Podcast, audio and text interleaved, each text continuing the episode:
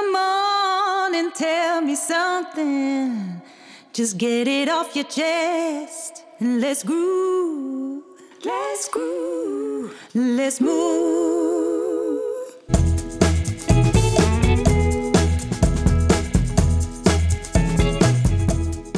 Vandaag de Tandartsclub over reputatiemanagement.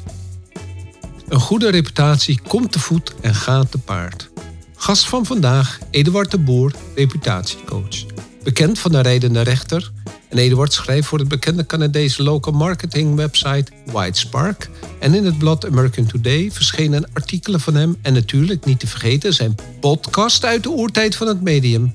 Genaamd de Reputatiecoach, waar ongelooflijk veel kennis werd gedeeld. Een waar voorbeeld voor mij.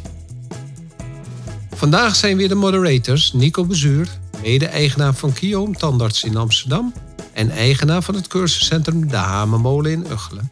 En natuurlijk Ron Steenkist, podcast-host van de Tandarts Vrijheid en Meesterschap podcast en founder van Tantekunde Nellestein en host van de Tandartsclub op deze Clubhouse. Eduard geeft een mooi overzicht over online reputatie, online vindbaarheid en online zichtbaarheid. Pas je de kennis die Eduard vandaag overdraagt toe, zal je reputatie, je zichtbaarheid en je vindbaarheid op het internet zeker verdubbelen. Veel plezier!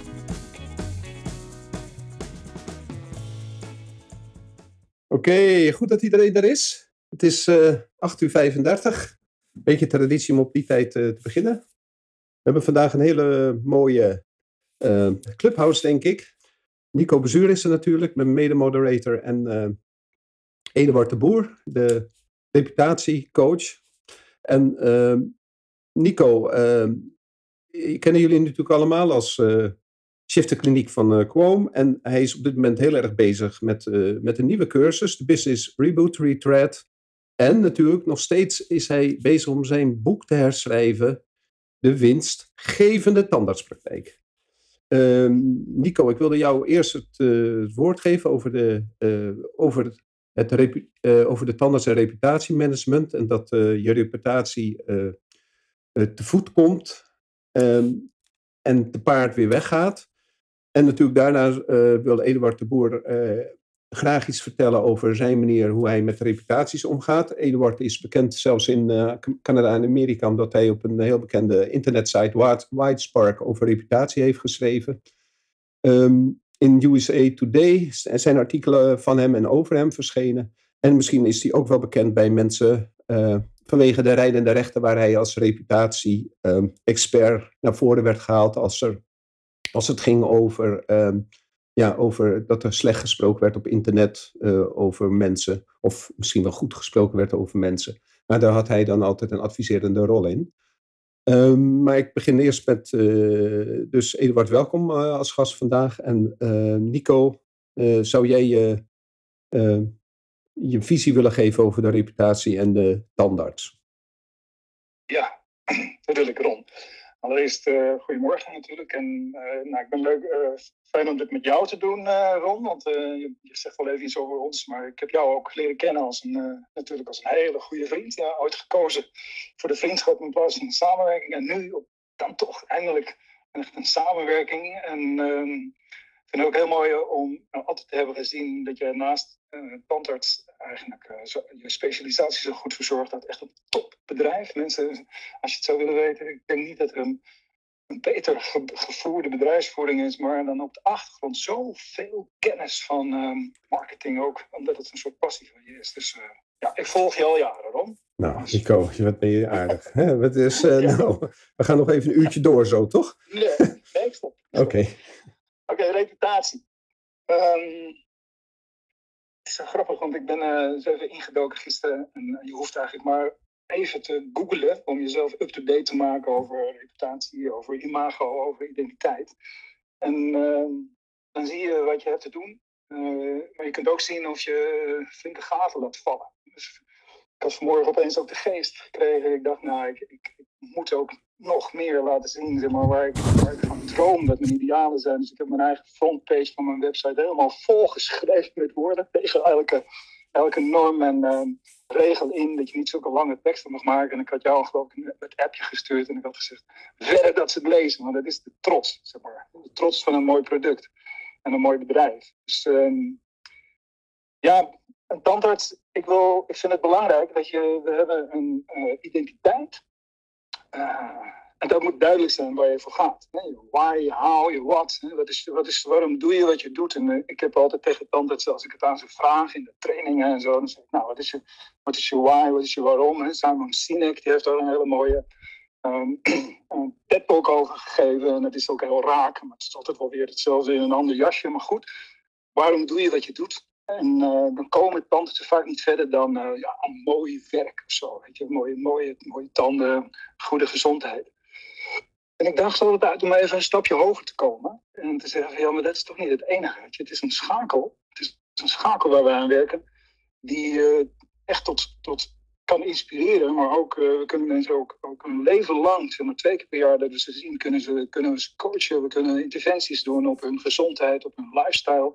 Er is eigenlijk geen medicus die dat doet. En voor ons ligt het voor het grijpen. Dus ik, vind, uh, ik doe dat al jaren. Ik denk dat ik al heel lang mensen vraag hoe gaat het. En uh, ook als ik dan zie dat ze afglijden, dat ik zeg: hé, hey, je glijdt af, broeder. Hè? Of je hebt een managerstong. Of ik zeg: heel lang geleden kwam er uit je mond fris of lucht of zo. Dus het gaat om interventies, maar ook coaching. En, uh, en ook waar je voor gaat. Dus ik heb bijvoorbeeld vanmorgen nog eens geschreven over mijn teamleden dat ik geen assistentes meer heb ik vind dat zo'n suf woord. Weet je wel, voor, voor die mensen die zo ongelooflijk veel doen op eigen kracht en uh, meewerken, echt co-creanten, zeg maar. Dus ik heb ze vanaf nu noemen ze dental coach. Dat kun je alleen maar worden als je bij mij de opleiding volgt, natuurlijk. Maar dat is dan even neergezet als dat ik zeg ja, laten we eens ophouden met oude terminologie. Net als dat je bijvoorbeeld bij de receptie staat en dat je zegt, hey, ik, ik wil een afspraak voor een mondreiniging. Of dat je het is een zip treatment. Er zit nog wel een verschil tussen. Als iemand zegt, mijn mond moet gereinigd worden, dan doe een stapje achteruit. Dus imago en identiteit, het zijn toch dingen die hier aan elkaar gebreien worden, zeg maar. In een groter geheel. Dat vind ik mooi om te doen. En als je dan kijkt naar de reputatie, dan zie ik dus dat uh, onze reputatie is over het algemeen onder onze patiënten natuurlijk. Uh, het is de verbinding tussen identiteit en je imago. Dus het imago is, uh, als wij weer onze hand ophouden, als we bijvoorbeeld vragen om steun, nou ja, dan lacht iedereen zich rot en zegt, heb je tandarts weer, altijd willen ze nog meer geld, weet je wel. Het uh, zijn natuurlijk hele harde werkers, het verdienen goed.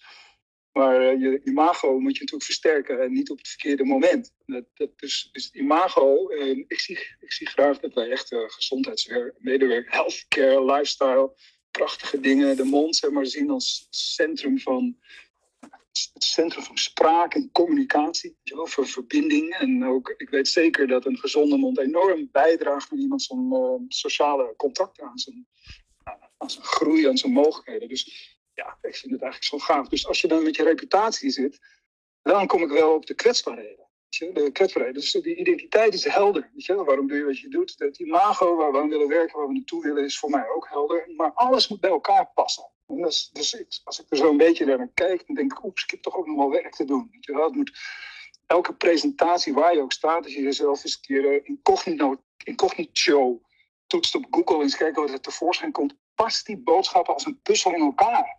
Wel? Is, het, is het een geheel? Is het een, um, is het een ja, en heb je daar, zit je daar reactief in of, of initiatief? Weet je? Bouw je je imago, bouw je aan je presentatie, ben je heel snel om te zeggen waar je echt voor gaat en die dromen en idealen zijn. Dat vind ik dus, ja, dat is, dat is het, om te doen. En ik vind het ook mooi als je duidelijk bent. Ik, ben ook altijd heel erg onder de indruk als mensen hun bedrijf heel duidelijk neerzetten met mooie dromen en idealen, prachtige boeken erbij, ook geschreven. Weet je wel, en wie, hoe vaak kom je niet iemand tegen dat je denkt, nou, dit is een vierde boek al over zijn eigen bedrijf. Hoe vaak doen wij dat?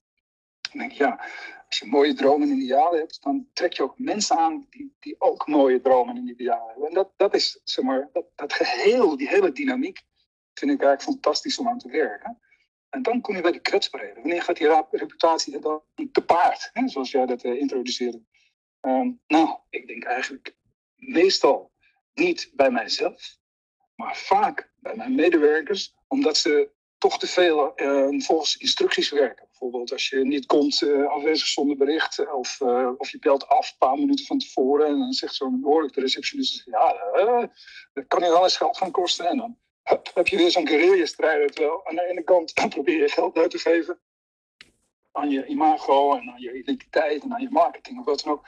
En aan de andere kant voor een paar tientjes zit je allerlei mensen een schop te geven om kwaad te zijn op jou. Dus communicatie is denk ik, uh, en emotionele communicatie is denk ik een soort van leidraad om dat goed te hebben. En oeh, wat is dat moeilijk, weet je wel. Als je een boodschap in woorden uit, check je dan dat het aankomt? Of, of neem je eventjes de, de, de, tijd om te vragen, waarom bent u niet in staat om te komen, weet je. En als ze dan uitleggen, dan springen de tranen in je ogen als receptionist, als, als medewerker, als, als vlaggenschip van je bedrijf. En dan weet je eigenlijk al meteen, nou, deze mevrouw ga ik toch niet in mijn hoofd halen om een rekening te sturen. Daar ga ik niet eens over beginnen. Dus die hele mooie, uitgewerkte communicatie, ja, dat is zo'n kunst. En daar, daarin uh, denk ik dat wij onze mensen en onszelf echt een cadeau geven als we dat ongelooflijk veel verder uitwerken. En als je dan kijkt, natuurlijk, reviews zijn belangrijk. En uh, ik ben ook wel eens kwaad geweest op een patiënt. En uh, die, zei, die wilde dan wat. En ik in mijn eer aangetast. En ik zei, nou, dan uh, stuur je dat geld toch terug. En dan zei die patiënt, ja, je stuurt wel het geld terug, maar je geeft me geen gelijk. Nou, weet je, ik, ga een hele lelijke review schrijven over jou. En je zult het nog horen. En ik dacht, ja, shit, wat, is, ik dan helemaal door de knieën voor dat soort terreur van social media? En tegelijkertijd, zeg maar, denk ik, ja, dat is nou eenmaal zo. Dat zijn de wapens. Je moet mensen ook niet in die richting krijgen. En als laatste wil ik zeggen, moderne aanpak is toch wel dat je ook al die media, uh, dat het bij elkaar echt een symfonie uh, vormt. Echt een harmonieuze symfonie van aanvulling. Instagram, Facebook, LinkedIn, een harmonie. Nou, dan zeg maar, krijg je de inspanningsloze tandartspraktijk. Dus je moet inspannen om te ontspannen. En dan krijg je dan een prachtige reputatie. Ja, dat was Steven Rom. Oké, Nico. Het is, uh, je hebt, uh, I'm on fire! I'm on fire! je bent uh, goed, je mag een eigen room beginnen. Um, ah. je, het, is, het is wel mooi natuurlijk dat de reputatie ehm, van je is niet alleen extern gericht, maar ook intern gericht. Hè? Van, want hoe, wat is de reputatie van jou binnen je team? Hè? Dat is natuurlijk ook belangrijk. En dat, dat gaat ook, dat komt ook te voet, kan ook te paard gaan, hè, de reputatie naar je, naar je medewerkers toe. Maar um, Eduard, ik denk dat je eh, op dat verhaal uh, van Nico, die, die heeft heel wat pijnpunten aangegeven. En ik denk dat er heel wat pijnpunten door jou getikkeld kunnen worden. Dat klopt, Ron. Um, Nico had het bijvoorbeeld. Oh, sorry, die is de goeiedag allemaal. Even heel kort, ik ben Eduard de Boer reputatiecoach, Ron zei het al. En ik help bedrijven met het verbeteren van uh, drie aspecten eigenlijk. Hun online reputatie, hun online vindbaarheid en hun online zichtbaarheid. Dat zijn drie pijlers uh, waarop je business eigenlijk gestoeld is als je kijkt wat, wat je online succes bepaalt. En online vindbaarheid, nou ja, dat is een aspect waar ik in 2009 mee ben begonnen met zoekmachine optimalisatie. Uh, online zichtbaarheid, dat richt zich eigenlijk voornamelijk op jou, op hoe kom jij naar voren als men jou zoekt? Dat beeld waar Nico het ook over. En dat daarmee ook gepaard gaat beeld, image, imago. En natuurlijk het aspect online reputatie. Online reputatie, Nico zei het al, het kenmerkt zich voornamelijk door reviews, recensies die mensen kunnen plaatsen over je. En ja, die kunnen goed zijn en die kunnen uh, slecht zijn of doorsnee. En ja, de spreuk die, die vandaag centraal staat is: reputatie komt te voet, maar gaat te paard. Dat wil zeggen, het kost een hele tijd, een lange tijd, om uh, een reputatie op te bouwen. Maar je doet maar dat te gebeuren en je reputatie uh, gaat weg. Dus de reputatie komt te voet en gaat te paard. Um, als standaard is, eh, gaat een reputatie veel verder dan alleen bijvoorbeeld recensies op Google, de telefoongids, Facebook, openingstijden, alle bedrijven in independent zorg, gaat Nederland zorg kiezen, vergelijk mondzorg en andere sites, om maar een paar te noemen. Um, het heeft ook te maken met ook dat beeld wat mensen van je hebben. Stel, je, hebt een, een je bent een, een tandarts, uh, ergens een tandarts die is uh, één of twee jaar voor ze, voordat hij zijn praktijk eigenlijk uh, wil verkopen, denkt erover om met pensioen te gaan. En um, die was voorheen altijd op vrijdagmiddag tot, tot half vier open en die besluit nu om zijn praktijk, weet je, ik vind welletjes om half één sluit ik mijn praktijk en dan ga ik mijn, ga ik mijn weekend in. Als je dan, stel nou dat hij als wel een website heeft en een neefje die die website onderhoudt. En zegt tegen zijn neefje van, joh, pas even mijn uh, website aan dat ik op vrijdagmiddag om half één stop in plaats van om half vier. Dan moet dat toch genoeg zijn voor mijn patiënten.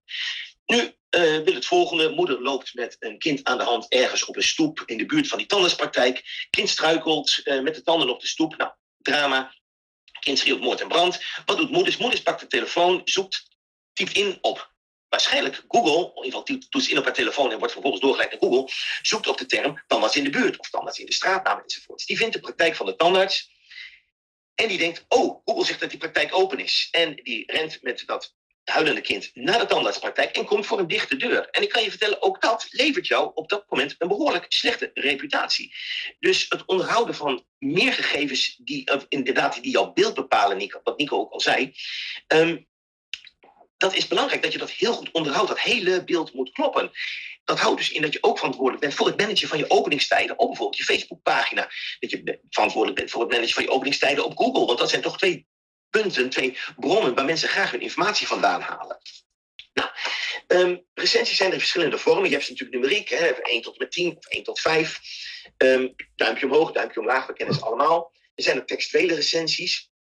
Um, verschillende sites die hebben verschillende op verschillende sites kun je verschillende recensies verzamelen.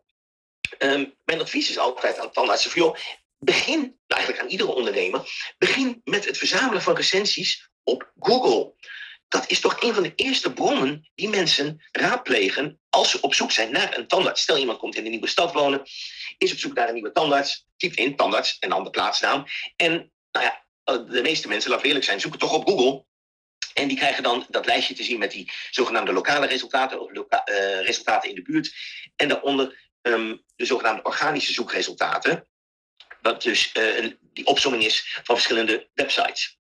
Um, als een tandarts daar zich niet onderscheidt met voldoende sterretjes, dan is de kans heel groot dat die tandarts niet eens dat die website of de contactgegevens van die tandarts niet eens worden aangeklikt. Want we leven echt in een reputatie-economie, een reputatiemaatschappij.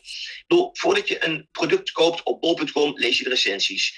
Uh, het kan nu even niet, maar stel uh, in de tijd dat we nog naar restaurants konden, konden je kijkt eerst even naar de recensies van een restaurant. Als je op vakantie wil, je gaat eerst de recensies kijken van een bepaalde uh, van het etablissement waar je naartoe wil. We kijken continu naar recensies. Uh, de jongeren doen het al. Op het moment dat ze een game willen kopen, dan kijken ze naar de recensies van de game. Dus iedereen kijkt naar recensies. Dus mijn advies is: begin eerst uh, recensies te verzamelen op Google. Ik had laatst nog een tandarts begeleid in Culemborg. Die had toen, hij met, uh, toen ik ooit met hem begon, toen hij zijn praktijk opende, toen raadpleegde hij mij al. Toen heeft hij jaren erover gedaan om een stuk of twintig recensies te verzamelen, omdat hij een stuk schroom had om recensies te vragen aan zijn patiënten. Toen heb ik nog eens even stevig met hem gepraat. En vervolgens is hij losgegaan. En hij zit nou ver over de 100 recensies alleen al op Google. Daarmee onderscheidt hij zich dus echt van andere tandartspraktijken in Culemborg, kan ik je vertellen. Um, en het hebben van 100 en vervolgens een volgende stap 1000 recensies om en erbij hebben even nog andere voordelen in Google, maar daar wil ik nu even niet op ingaan. Um, als je eenmaal voldoende recensies hebt op Google, ja, dan kun je ook eens uh, recensies gaan verzamelen op Facebook. Dat is ook een logisch. En dan bedoel ik niet likes, maar echt recensies voor je praktijk. Er zijn een heleboel andere sites natuurlijk. Ja, iedereen kent de Zorgkaart Nederland, de Independent, de Zorgkiezer en Vergelijk Mondzorg als je inderdaad in de mondzorg zit. Dat zijn hele goede sites en die scoren natuurlijk ook heel hoog als mensen uh, jouw praktijk of jouw, jouw praktijknaam zoeken of zoeken op jouw naam als standaard. Um, dus die zijn ook goed om recensies te verzamelen. Maar mijn advies is altijd: begin eerst met Google, ga vervolgens richting Facebook en in, zijlijn verzamel ook wat recensies inderdaad op Zorg Nederland. En doe dat ook elk jaar. Want verschillende van die sites die tonen ook jouw gemiddelde bijvoorbeeld per jaar, hoe je per jaar scoort. Um, hoe vraag je nou een recensie? Sorry. Nou, gewoon uh, zou ik zeggen van als je een, een, patiënt hebt die tevreden is, die tevreden, waarvan je na de behandeling merkt dat hij tevreden is. Op dat moment moet je dus iemand gelijk um, ja, benaderen daarvoor, gelijk vragen. Want het beste moment om iemand te vragen om een recensie is zeg maar op de emotional high. Nou ja, met een flinke verdoving weet ik niet of iemand een emotional high heeft, maar in ieder geval uh, fysiek zal die wat minder voelen. Maar over het algemeen, mensen zijn toch wel dan op dat moment, als je merkt dat ze tevreden zijn, dan zijn ze toegankelijk om een, dat je ze een review kunt vragen. En hoe doe je dat? Het beste wat ik merk is gewoon, uh, zijn eigenlijk twee dingen. De eerste mogelijkheid is iemand een fysieke kaart geven. Um, liefst een formaat van om bij de 10 bij 15. Geen visitekaartje, want die verdwijnen weer in handtassen en, en, en broekzakken of jaszakken. Maar echt een 10 bij 15 kaart. Waarop je rechtstreeks, de rechtstreeks URL vertoont waar, mensen, waar je een recensie wilt hebben. Waar je recensie vraagt. Ehm, en op dat kaartje heb je je logo staan en misschien een foto van jezelf of de andere behandelaar. En, ehm, de, en daar vraag je gewoon de hulp van iemand om dus een recensie ergens achter te laten, omdat je daar waarde aan hecht die kaartjes. de ervaring is dat heel goed werken. Een andere mogelijkheid is, is als je vanuit je administratiesysteem een sms kunt sturen. En idealiter stuur je die sms ongeveer een half uur tot een uur nadat iemand de praktijk heeft verlaten. En ook in die uh, message, die message moet ook heel kort zijn. En sms, ik zeg bewust sms, geen WhatsApp, sms. Um, reden daarvoor is dat sms eh, is, uh, veel heel veel mensen hebben alle pingeltjes en piepjes van alle um, sociale media, zo en, en chat-apps enzovoorts, hebben ze uitstaan. Maar wat ze niet uit hebben staan, is een sms. Dus je komt veel directer binnen met een sms. En als je dan in die sms een verkorte link zet waar mensen op kunnen klikken, dat is natuurlijk wel belangrijk, dan um, daarmee haal je een hele hoge conversie uh, voor het verzamelen van recensies. Veel hoger dan wanneer je gewoon vraagt, wil je recensie posten? Wat ik ook veel te vaak zie, is dat uh, ondernemers iemand een, mail sturen met daarbij de tekst: zoek ons op op Google en plaats een recensie. Nou, ik kan je vertellen, dat doet eigenlijk niemand. Of ze moet inderdaad, zoals Nico ook al zei, bijvoorbeeld heel, heel negatief zijn. En ze, dan gaan ze echt overal op uh, zoeken en recensies posten. En dan kom je op het gebied van, van uh, trollen vaak. trollen, ik wil niet zeggen dat iedereen die negatieve recensies post een troll is. Een troll is iemand die er gewoon een behagen in schept om negatieve recensies te gaan posten. Um, maar laten we eerst kijken even, gewoon naar het aspect van de negatieve recensie. Wat moet je doen? Natuurlijk kun je negatieve recensies krijgen. En sommige mensen zijn bang voor negatieve recensies, maar dat hoeft helemaal niet. Want um, een negatieve recensie kun je ook zien als een, um, een hint of, of een, een, ja, een duw in de juiste richting voor iets wat door iemand wordt ervaren als, als minder positief. Dus een verbeterpunt voor jou, in, in dit geval voor je praktijk of je behandeling enzovoort. Wat doe je nou als je een slechte uh, recensie krijgt? Als eerste ga niet de discussie aan van wel eens niet enzovoorts. Trek het boetekleed aan, maar niet zeggen dat je fout bent. Maar focus je op het aspect dat, je, dat het je spijt dat de patiënt in dit geval het zo ervaren heeft. Dat is veel beter dan dat je gelijk zegt dat je fout zit. Um, en als, je op, als, je, als een negatieve recensie wordt gepost op een platform, um, meld dan dat je. Schrijf daar dan ook onder, reageer op die, op die uh, recensie. En schrijf dat je betreurt dat, die, dat dit is um, gebeurd. En schrijf dat je contact wil opnemen met de betrokkenen. Als je aan de naam van degene die post kunt zien wie, welke patiënt het is, dan ga je vervolgens offline die patiënt uh, benaderen, dus via de telefoon of wat dan ook. En ga je proberen het, het, op te lossen. Um, dus stap 1, geen discussie. Stap 2, toon empathie. Dan uh, stap 3 wil ik zeggen, neem de discussie offline. Ga niet online proberen op te lossen. Vervolgens los het probleem op. Doe er alles aan om het probleem op te lossen om die klant of tevreden te maken. Ook al moet je kosten maken. Wat Nico ook al zei, ja, weet je, dat is dan, uh, die paar tientjes kunnen dan beter inslikken. Maar los het probleem op. En dan vervolgens, als het probleem is opgelost, dan is een heel belangrijke laatste stap, stap 5, dat je vraagt aan degene die een negatieve recensie heeft gepost. Ben je tevreden over hoe het nu is opgelost? Of hoe denk je nu, dat is nog een betere vraag, hoe denk je nu over de recensie die je hebt geschreven? Is je ervaring nog steeds zo negatief? Je moet nou niet iemand rechtstreeks vragen, wil je die recensie uh, verwijderen? Wat je wel kunt, is. Waardoor de kans groot is dat je dus een. Um, uh, dat die persoon de recensie gaat, gaat aanpassen. Dat en dan heb je dus eigenlijk op dat moment een advocaat voor het leven. Um, dat is algemeen over de slechte recensies. Dan heb je ook nog natuurlijk, wat ik al zei, de trollen, de mensen die er een behagen in scheppen om negatieve recensies te posten. Ja, um, je ziet ze, iedereen zal ze eigenlijk wel hebben als je een praktijk hebt of als je, een, een, als je ergens vermeld staat waar mensen recensies kunnen posten, zeker op Google, dan, heb je, dan is de kans groot dat je wel mensen hebt die een negatieve recensie um, posten. Wat je dan doet is, wat vaak werkt, is als iemand iets schrijft dat je uh, vraagt ook weer van, om contact op te nemen. Dat je bijvoorbeeld die patiënt niet herkent aan de naam die hij gebruikt. Um, dat soort zaken. En als je, dat, als je zoiets schrijft als reactie onder de recensie, dan laat je namelijk zien aan de buitenwereld en ook je toekomstige patiënten die op zoek zijn naar een nieuwe tandarts omdat ze bij jou in de plaats komen wonen en dus een, een soort shortlist maken van tandartsen en ze gaan, tegen elkaar gaan vergelijken, dan laat je zien dat je niet met je hoofd in het zand duikt, maar dat je de volle verantwoording neemt dat je graag het probleem wilt oplossen. Alleen omdat je niet weet wie het is, vraag je dus die persoon rechtstreeks contact met je op te nemen, omdat je er alles aan gelegen is om het uh, probleem adequaat op te lossen. Um, om, ik, zei, ik noemde het al een paar keer reageren op recensies. En ik zei ook al, Google is een van de belangrijkste platformen in eerste instantie om, om recensies te verzamelen en daarmee onder, het, onder je potentiële publiek te komen. wat ik ook maar al te vaak zie, is dat ondernemers hun bedrijfsmelding op Google niet geclaimd hebben. En daar verlies je een enorm iets, namelijk uh, de mogelijkheid om te kunnen reageren op recensies. Dus er is, en je, je wordt niet alert gemaakt als er, als er een recensie gepost is. Dus ik zeg altijd tegen elke ondernemer: als, eh, als er al een bedrijfsvermelding van jouw bedrijf staat, claim hem, claim die vermelding, word eigenaar van die vermelding, zodat je daar uh, allerlei uh, dingen kunt doen, zoals onder andere het managen van de recensies en ook het vragen van recensies aan mensen. Dan krijg je nou van Google een speciale korte URL die je kunt sturen. Um, dat ten aanzien van recensies op Google. Um, er zijn ook sites waar je moet betalen voor het verzamelen van recensies. Uh, een, een, voorbeeld is bijvoorbeeld uh, Opines en uh, zo zijn er nog een paar. Dat zijn commerciële sites. Ik zeg altijd, die kun je best wel in eerste instantie links laten liggen. Begin gewoon met alle gratis sites. Toen ik begon met mijn verhaal hier, noemde ik in een moordend tempo een aantal sites op. Ik zal ze nu nog even wat langzamer noemen, waar, waar je dus, de sites waar je dus gratis recensies kunt verzamelen. Dan begin ik eerst met de algemene sites. Nou, Google heb ik al gezegd.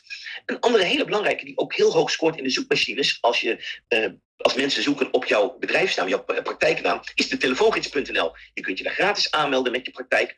Ik zou zeker niet gaan voor een commerciële programma, sorry dtg.nl, maar um, gewoon gratis aanmelden. Je kunt ook gratis recensies verzamelen. Facebook is een andere belangrijke natuurlijk, waar veel mensen ook jou kunnen vinden en die ook hoog scoort in de zoekresultaten als je de praktijknaam wordt ingetoetst. Dan is er nog openingstijden.com, ook een bekende grote site, die bestaat ook al jaren, waar je ook recensies kunt verzamelen.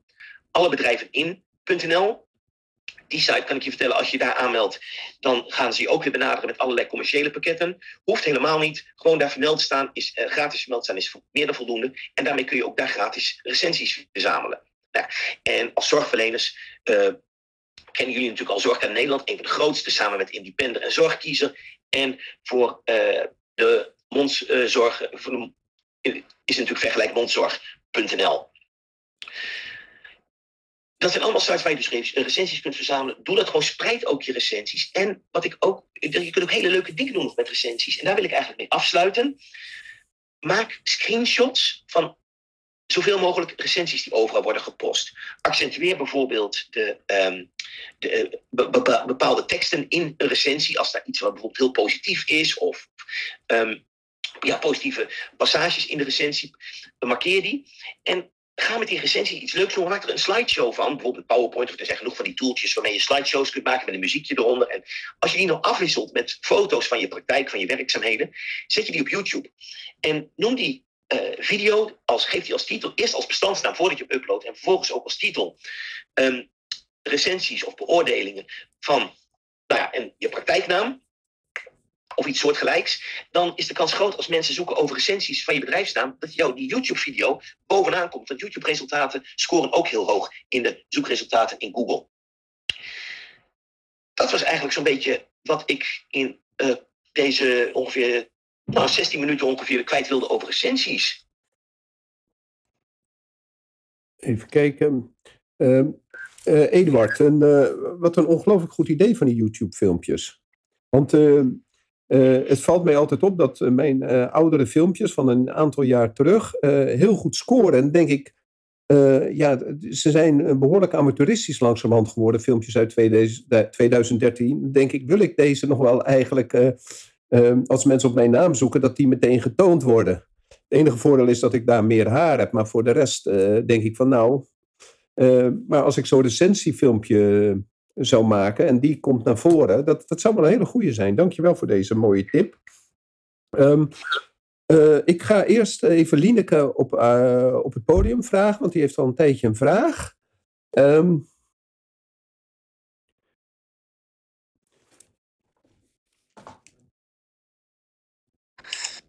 Lineke, welkom. Ja, dankjewel. Leuk. Uh, alvast eerst, alvast, allereerst. Oh, wacht even, Lineke. Um, ja. ik, even, uh, als je op het, uh, op het podium bent, dan uh, moet je even de microfoon uitzetten. Anders stoort dat heel erg. Dus ook Eduard en Nico even de microfoon uitzetten. En als jij zo meteen klaar bent, Lineke, dat je ook je microfoon uitzet.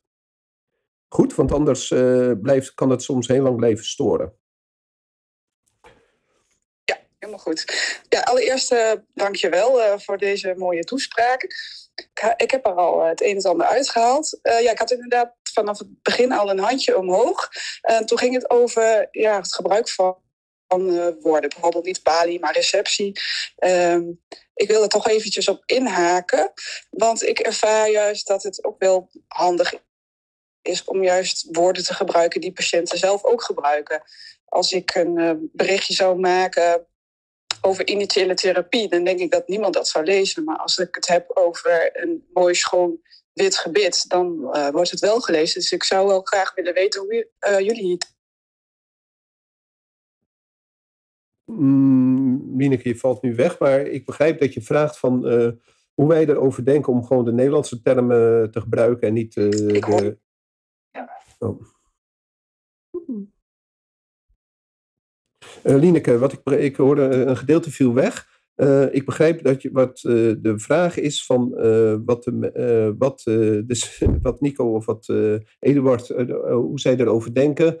Um, als er gewoon de Nederlandse termen wordt gebruikt en niet woorden als lounge in plaats van wachtkamer of omgekeerd. Hè? Of nurse, zuster, preventiemedewerker, VIP-assistent. Um, Nico, je hebt daar een, in ieder geval een uitgesproken mening over. Jij wil dat echt veranderen. Ik sta meer, uh, zelf uh, meer naar Lineke toe van...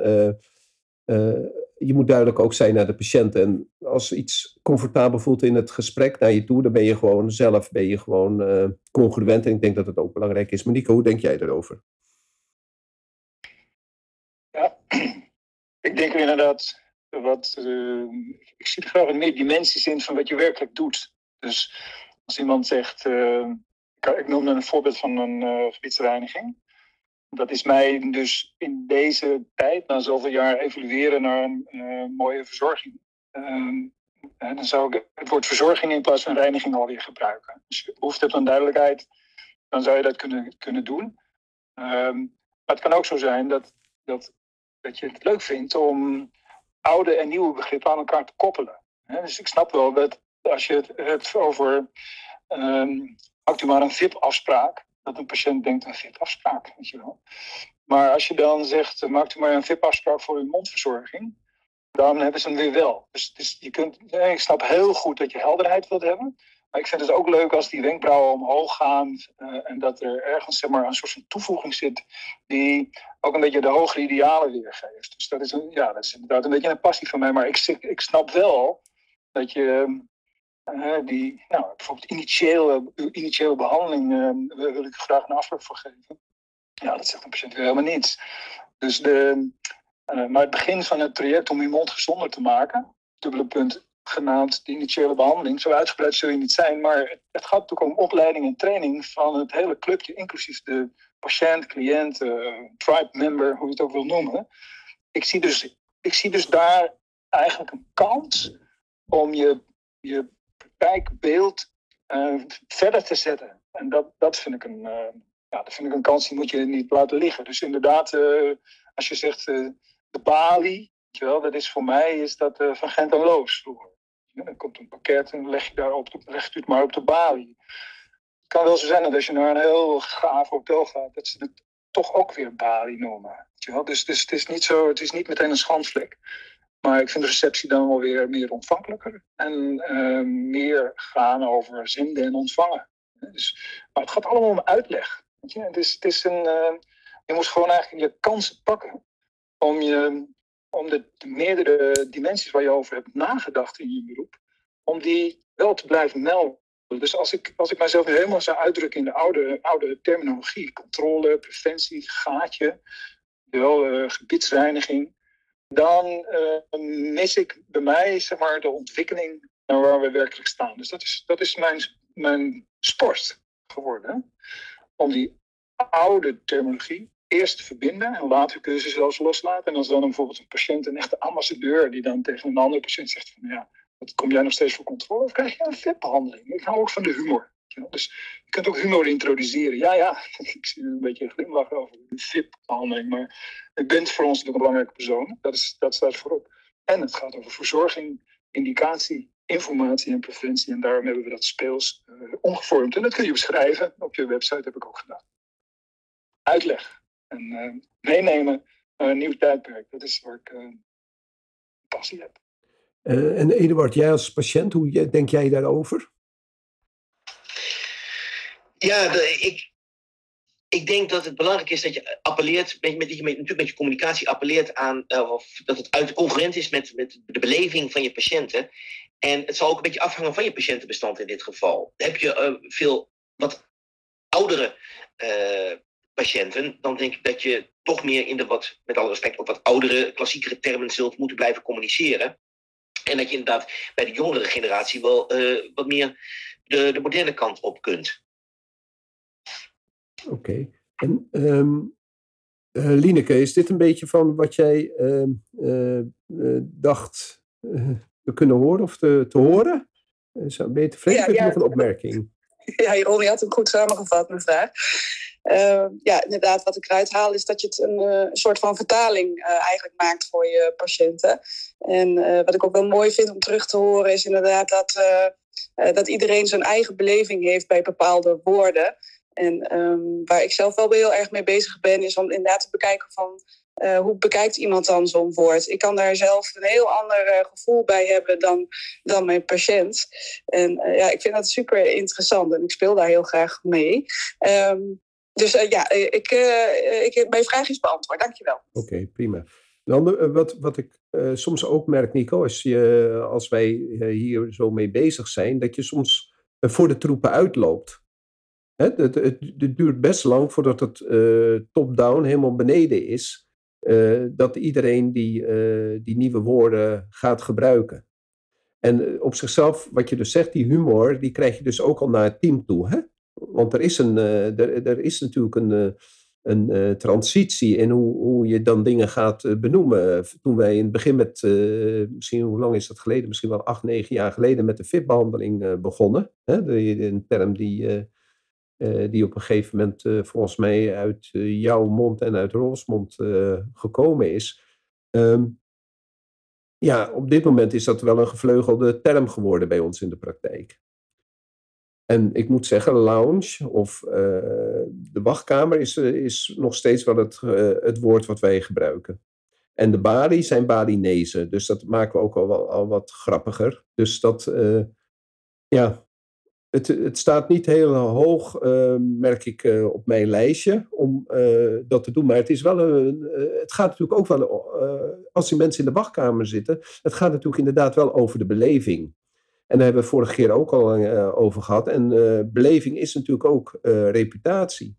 En die, die, die beleving, kijk, als je naar Disney kijkt, dan, dan, dan gaat het natuurlijk ook, het kernproduct hè, komt pas later dan uh, waar het om gaat. Hè. Bij Disney is het eerst uh, de veiligheid.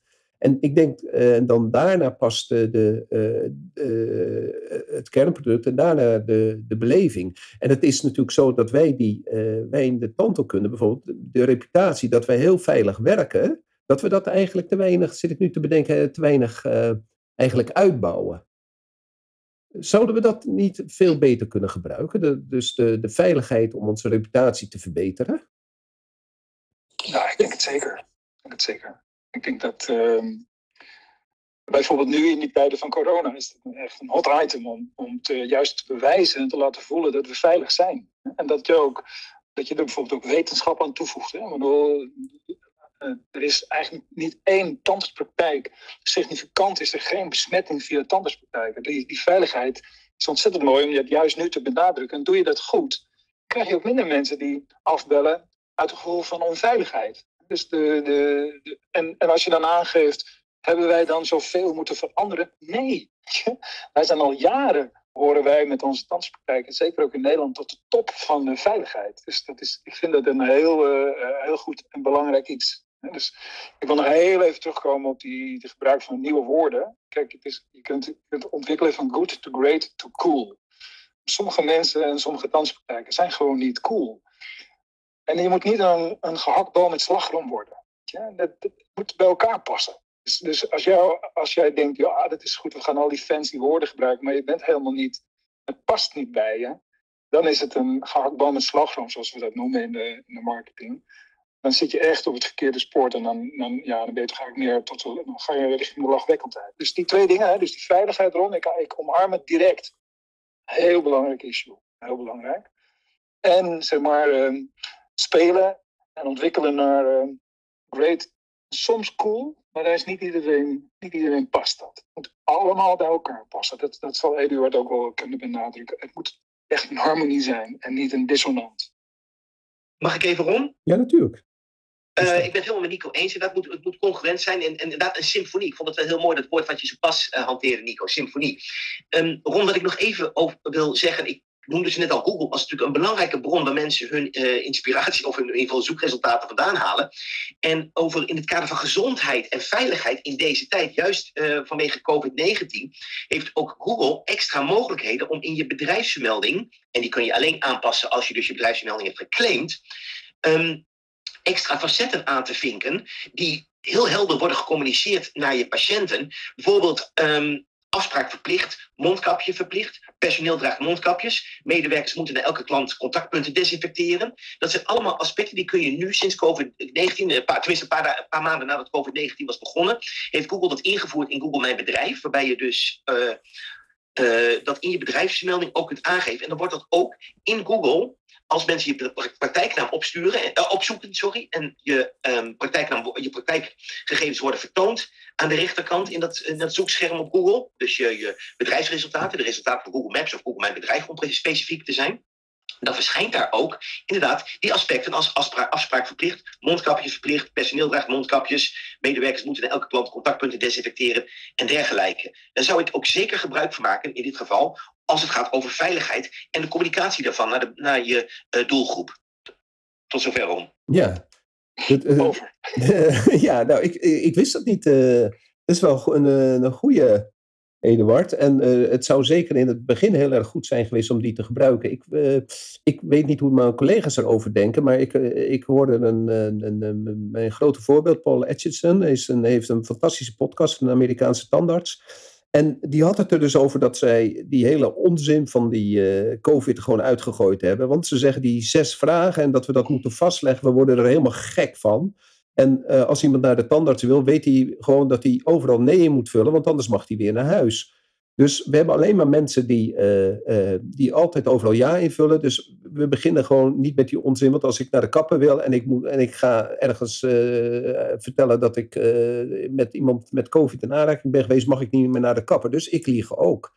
En dus dat is wel het, het, het grappige, dat eigenlijk die, die, die druk die we in het begin zo voelden, dat dat nu een beetje weggeëpt is. En ik, ik zit me nu af te vragen of dat. Maar het zou misschien best kunnen, omdat wij natuurlijk uh, een, een, een, grote groep mensen hebben die toch niet komen, dat we die misschien weer zo over de streep kunnen trekken als ze ons opzoeken en dat ze via Google dan uh, uh, inzicht krijgen in wat we in ieder geval, in ieder geval doen. Mag ik er even op reageren, Rob? Ja, natuurlijk, Lineke. Leuk.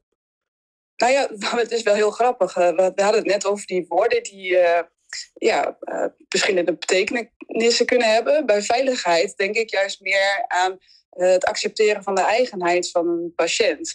En op het moment dat jij uh, bijvoorbeeld een monddoekje verplicht in de wachtkamer, en als je echt duidelijk maakt van hier moet je een monddoekje dragen, dan uh, kan het zijn dat dat juist op uh, weerstand gaat stuiten.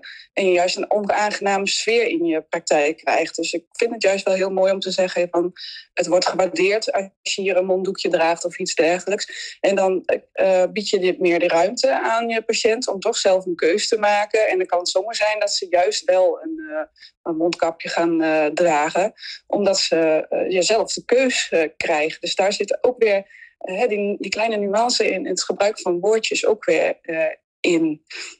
Dat wou ik even zeggen. Ja, oké. Okay. Dus dan heb jij in jouw kliniek, Lineke, is het vaak voorgekomen dat mensen boos werden over het, over het feit dat ze bepaalde dingen moesten doen? Ik vind het.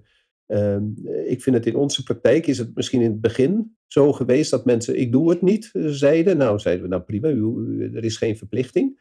Um, maar dat, het op, dit moment, dat op dit moment iedereen eigenlijk wel heel netjes is. Eh, de mensen zijn een beetje lethargisch erover, maar ze zijn netjes en iedereen denkt, laat ik niet moeilijk doen. En de...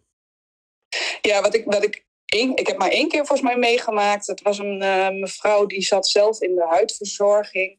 En uh, die weigerde eigenlijk om ons pompje, of de, de handsfree dan, uh, te gebruiken voor de handalcohol. En um, onze uh, mensen die waren ja, lichtelijk zo van... oh en je moet en, uh, oe, en een beetje in de, in de paniek. En dat gaf ook eigenlijk niet een goede sfeer. En ja, daardoor keerde zij juist de kont tegen de krip. En toen is er maar iemand naar mij toegelopen van... ja, wat moet ik nou doen? Ik zeg, joh, maak je niet druk. ik doe gewoon snel die mevrouw naar binnen. En ik heb haar verzocht van... goh, zou je dan hier gewoon de handzeep willen gebruiken? Nou, dat was dan ook geen probleem. Dus als je daar zelf ook weer een beetje rust in brengt... dan denk ik ook inderdaad dat dat eh, alleen met een goede komt van de ambiance en de veiligheid. Ja, prima. Ja, helemaal goed. Ik ben het helemaal met je eens. Uh, Nico, had jij daar nog een, uh, een gedachte over? Over de, de, de, al die COVID-regels die er op dit moment zijn? En of, uh, zijn schaadt het onze reputatie of kunnen we het juist heel goed nog steeds gebruiken? Ja, nog steeds. ik denk dat je nog steeds. Ik ben ook wel. Kijk, daar waar iets echt duidelijk is, moet je ook duidelijk zijn. Ik vind het wel mooi om uh, een mondkapje verplicht. Of gewoon zo'n vignet, ja, mondkap.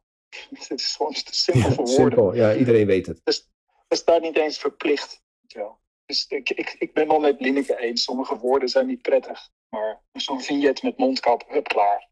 Ja, ja of hier dragen wij een mondkapje. Ja, ja, ja, ja. gewaardeerd is, dan uh, weet je, dat, dat, ik hou er niet zo van om mensen ruimte te geven als er geen ruimte is dan, dan ben ik ook wel weer graag duidelijk. Maar ik kan het wel met een uh, knipoog en uh, ik kan echt charmant blijven, toch? Ja, ik kan het ook wel mee eens zijn hoor. Want uh, duidelijkheid geeft ook weer veiligheid. Ja, duidelijkheid is goed en ik help daarmee ook. Hè, want je moet je toch, ik stel me dus heel goed voor. Ik hoorde laatst ook een gesprek van iemand die zei: Ja, ik, ik, kan, ik, ik doe geen mondkap voor. En ik zo uit mijn wachtkamer. Uh, maar ik ben uh, voorzichtig hoor, uh, enzovoort. Maar voor andere patiënten is dat dus meteen onveilig. Dus de, voor de een geef je een ruimte en die ander die voelt zich er niet prettig bij. Dus ik had het er met mijn receptie over. Ik zeg, ja, ik hoorde het zo. En, maar je durft niet in te grijpen op een charmante manier. Want kijk, als iemand zegt, ik wil geen mondkapje, dan zeg je gewoon, nou, u bent ruim op tijd, maar dan kunt u nog even, als u dan nog even voor de deur wacht, dan roep ik u straks even binnen als u wordt binnengehaald. Dat is wel mooie. Ja, dat is de hostess en dat is de beveiliging. Zeg maar. want veiligheid moet je ook demonstreren. Dus, maar blijf gasvrij, blijf charmant. Ik, heb, uh, ik stond bij een benzinepomp en er was één jongen die droeg geen mondkap. En die kwam wat dicht bij een andere gast. Vorige keer had ik gezien dat het personeel zich daar meteen mee bemoeide, maar die deed dat niet. Die was te laat. Snap je? Dat is vervelend. Dus een gast die zei: uh, kun je een beetje afstand houden, want je hebt geen mondkap op. En er ontstond me toch een heftige, geïrriteerde meneer die... Ik draag geen mondkap, want ik heb een, ben een uitzondering. Maar hij had ook een vriend bij zich, die droeg, ook geen mondkap. Weet je? Dus er klopte iets helemaal niet. Ik keek ook. En hij keerde zich tot mij.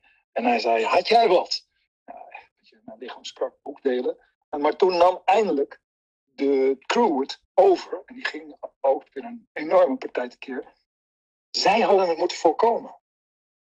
Dus anders krijg je gewoon dit soort situaties in je wachtkamer. Dat kan zomaar gebeuren en dat wil je ook niet. Dus um, ik denk dat hier ook een hele mooie manier is om met je staf te spreken en te zeggen: zou ik je eens helpen hoe je omgaat met mogelijkheden die naar agressie kunnen leiden? Want eigenlijk is dat ook een essentie. Uh, waar we het nog over gehad hebben, rond toen, rond, toen we het even voor hadden besproken. Dat we zeiden, ja, die agressie, die moet je toch zien te voorkomen. En voorkomen is er bovenop zitten. Snel voelen, schakelen, doorpakken. Mensen begeleiden en weer eventjes verder zetten. Dat ze gewoon uh, dat ze een teamlid blijven en niet uh, dat ze zich buitengesloten voelen.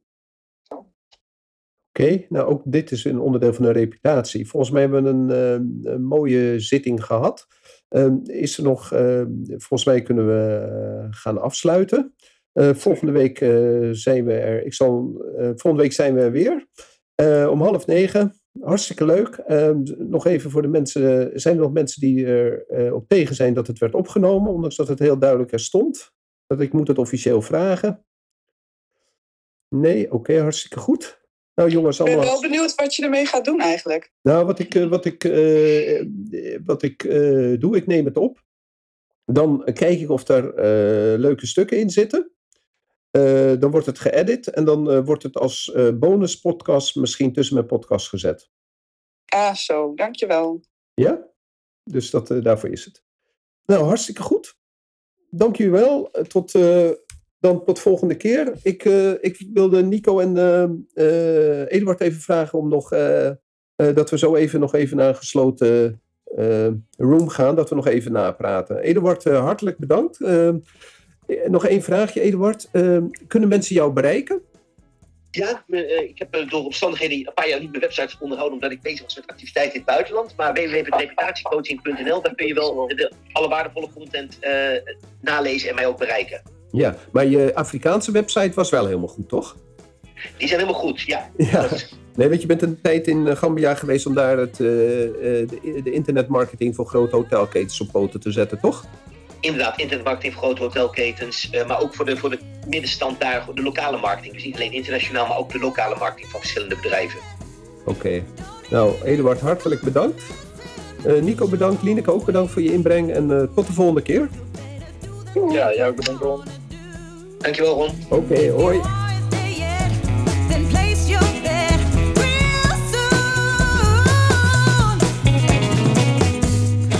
Super dat je weer luistert naar een aflevering van de Tandartsvrijheid en Meesterschap podcast. Ik zou het zeer op prijs stellen als je een review achter zou laten. Je kunt je ook abonneren op deze podcast. Klik dan in de podcast-app op de button subscribe en je ontvangt automatisch een berichtje bij een nieuwe aflevering. Ken je iemand die deze podcast ook leuk zou vinden? Deel deze dan. Via Spotify kan je dat heel simpel door op de drie puntjes te klikken en te delen. Je kan mij ook bereiken via mijn LinkedIn-account. Ik ben te vinden onder mijn naam Rom Steenkis. Nogmaals, dankjewel en tot de volgende keer.